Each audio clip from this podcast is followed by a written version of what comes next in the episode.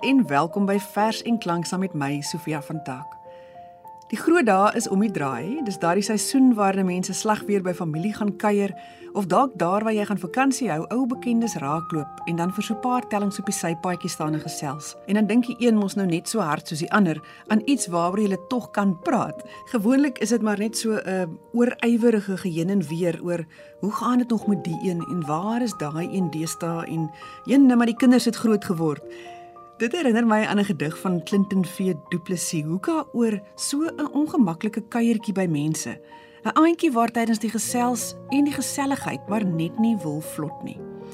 Ek vat oor die spoor van gedigte wat oor ontmoetings gaan. Sommige 'n blye weersien, ander 'n gemaklike oomblik saam met 'n vreemdeling, maar baie daarvan is ook taamlik sinitergend en selfs bizar. Ek hoop jy geniet vanaand se keuse. Die voorleser is Johan Nel en ons luister eers na daardie stram kuiertjie van Clinton V Du Plessis. Kuier deur Clinton V Du Plessis uit sy bundel Rangeer in 2013 uitgegee deur Amakalid Slogans. Jy sien dit al met die groet. Die handdrukke is bloot, slap, gemeenplasig, 'n moed. Die gedempte entoesiasme, die oë kyk te vinnig af en weg. Hulle het ouer, ook ouers en grootouers geword. Onfikse maratonatlete ongereed vir die wedloop. Hulle is moeg gemaal, vasgevang in 'n groef van verbande betaal en motorpaemente. Kinders sonder werk, dobberend tussen kroeg en kerk gestrand met lewensmaats met wie hulle miskien liewer nie moes getrou het nie. Wan funksionele huwelike. Skottelgoed was, stryk en gelukkig lyk. Later die aand braai ons. Ons sit met leë glase en kyk na die kole in die vuur. Dan en wan na mekaar. Die woorde sukkel om te kom. So nou en dan onthou hulle darm nog iets uit 'n tyd toe hulle jonk en driftig was. Hulle pa het weer getrou. Hy is intussen ook oorlede. Die tweede vrou het alles geërf, die huis, die kontant, restant, die onbeboude kuserf. Hulle is verbitterd, vroeg wrokkig woordeloos teen die wêreld. So sit ons daar wêrelde verwyder van mekaar. Terwyl ons onhandig probeer om weer gister se skakels aan mekaar te weef. Gelukkig gaan dit darm nie altyd so wanneer jy ou kennisse weer opsoek nie. Die lekkerste weer sien is die soort wat jou laat voel asof daar geen tyd verloop het nie. 'n Mens tel die bande maar net weer op, asof jy mekaar glad nie so lank lank gesien het nie. Marlies Joubert skryf in haar bundel Grondwater in 2019 uitgegee deur Protea Boekhuis, twee verse hieroor. Die een ontmoeting is met 'n niggie van haar en die ander met die skilder Nel Erasmus. Ons ontmoet soos koplampe in 'n sirkel gestol. Omhels en hou hande vas. Ons prate is dieselfde as toenter. Ons het slegs apart oud geword. Hoe haal jy 'n na soveel jaar en is dit dalk ons laaste sien. Ons groet teesinnig. Verkeerde kant veer hy dieselfde vlees, nou weer weg van mekaar verstrooi. In life, sê sy toe, we close certain chapters and open others. As they say, change is the only constant. Ek dra die Carducci motor toe, waarin sy 'n nuwe hoofstuk pak. Beskuit en olywe handeroom en sjokolade vir die verdere reis. Ek los vir haar die bladspieël van my bestaan. Met die reis na plekke uit 'n ou verlede stap ek die kunstenaar se grys sementhuis binne. Op 90 is haar vel hier en daar gevlek met legene. Sy draai saadloos trots na my, soos 'n ou winterboom, helder met onthou. Ek omhels haar tengerte.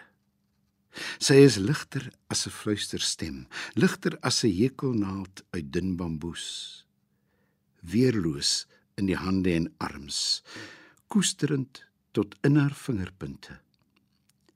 Soveel kwasverhale sou hieruit aanhoudend stroom. Sy skink rooibos tee. Ons deel die wilde geur van stokkiesgras. Ontgin ons beginne. Oesname uit verledes. Wat het geword? Wie is waar? Wie is weg na ander land?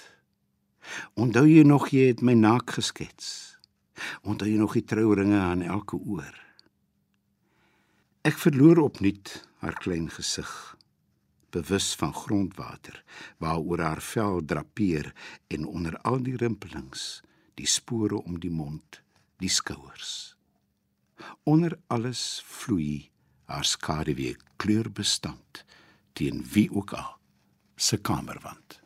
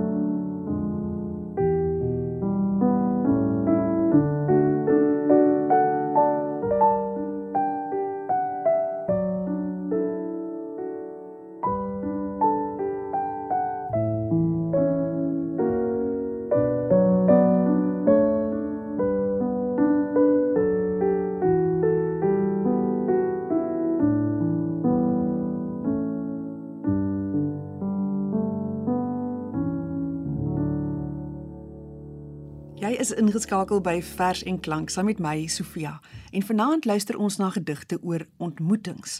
Die voorleser is Johan Nel.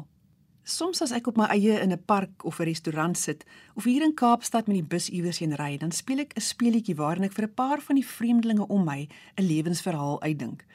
Ek kies 'n naam, ek kies 'n beroep, 'n tuisdorp. Ek besluit waarvan sal die persoon hou en nie hou nie.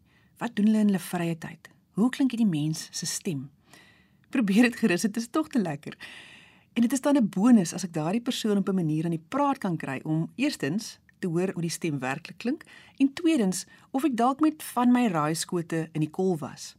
So sit Elisabeth Eybers op 'n dag in 'n koffiewinkel en sy is heeltemal gefassineer deur een van die kelnerinne wat daar werk.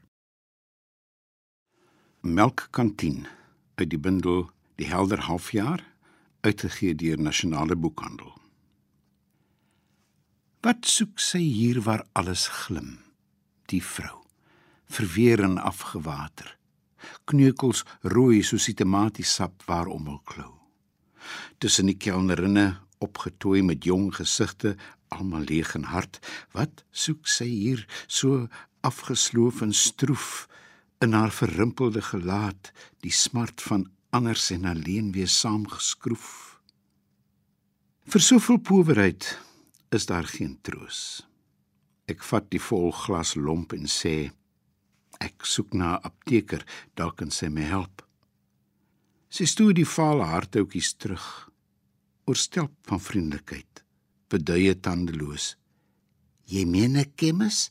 Ja, net om die hoek.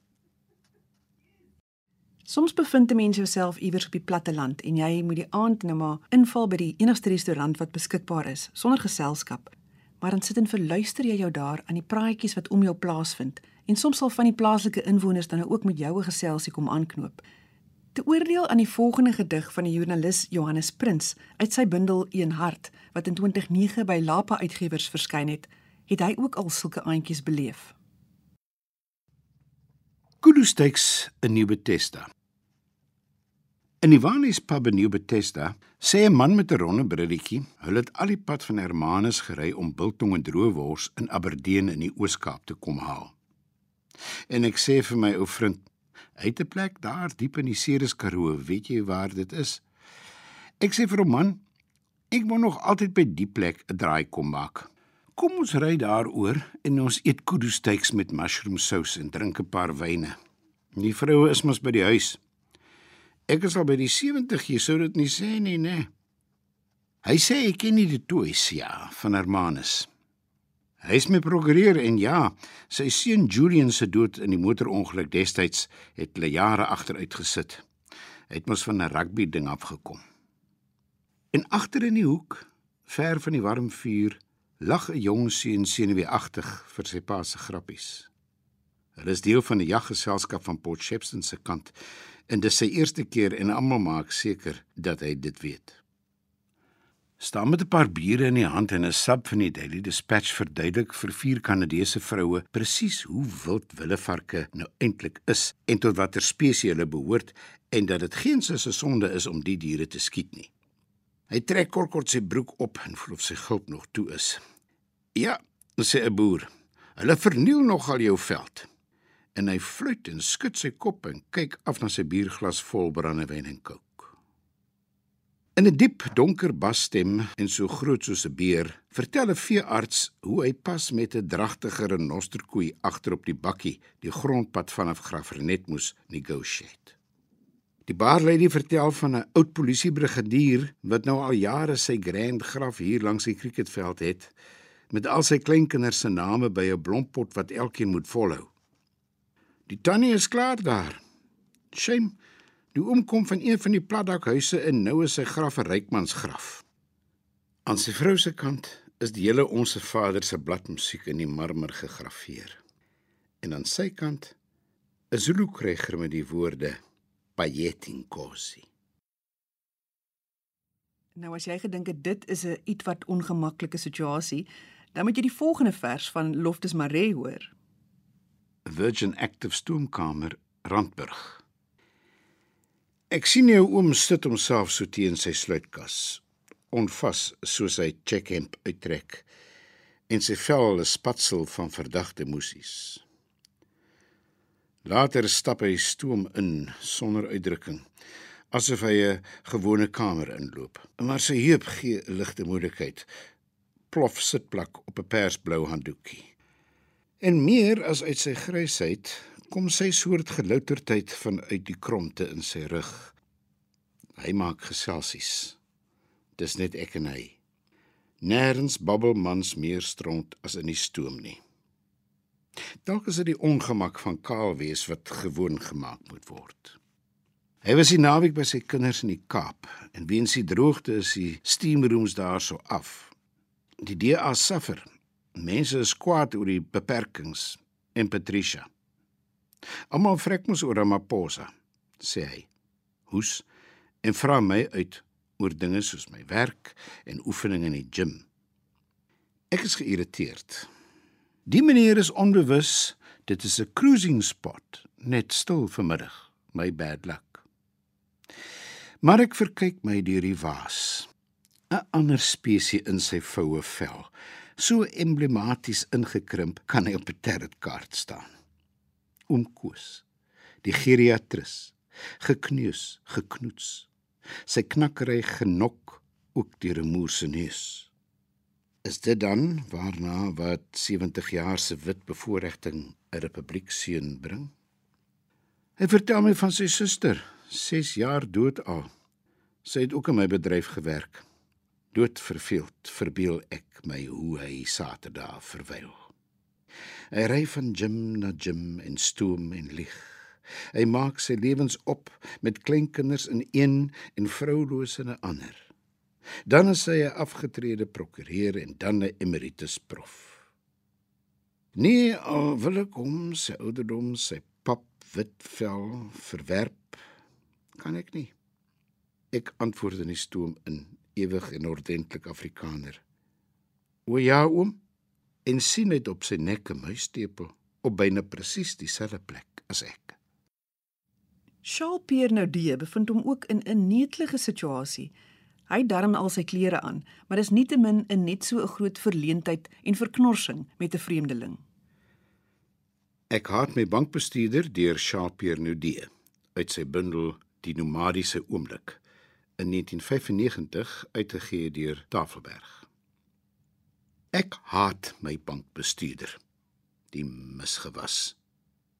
Wens 'n bliksemstraal vel hom neer, maar weerlig is so kieskeurig. 'n Vrede plaag, die soort wat als verskroei tot niks, sal die negeerbare mug seker mistref. Hy gluur na my geskeurde klere.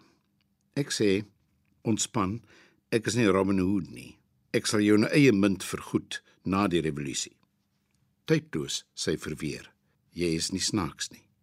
Die swens rentekoerse is ook nie eens moerse nie. So tussen hom en daai ander eierdief die staat kom ek om.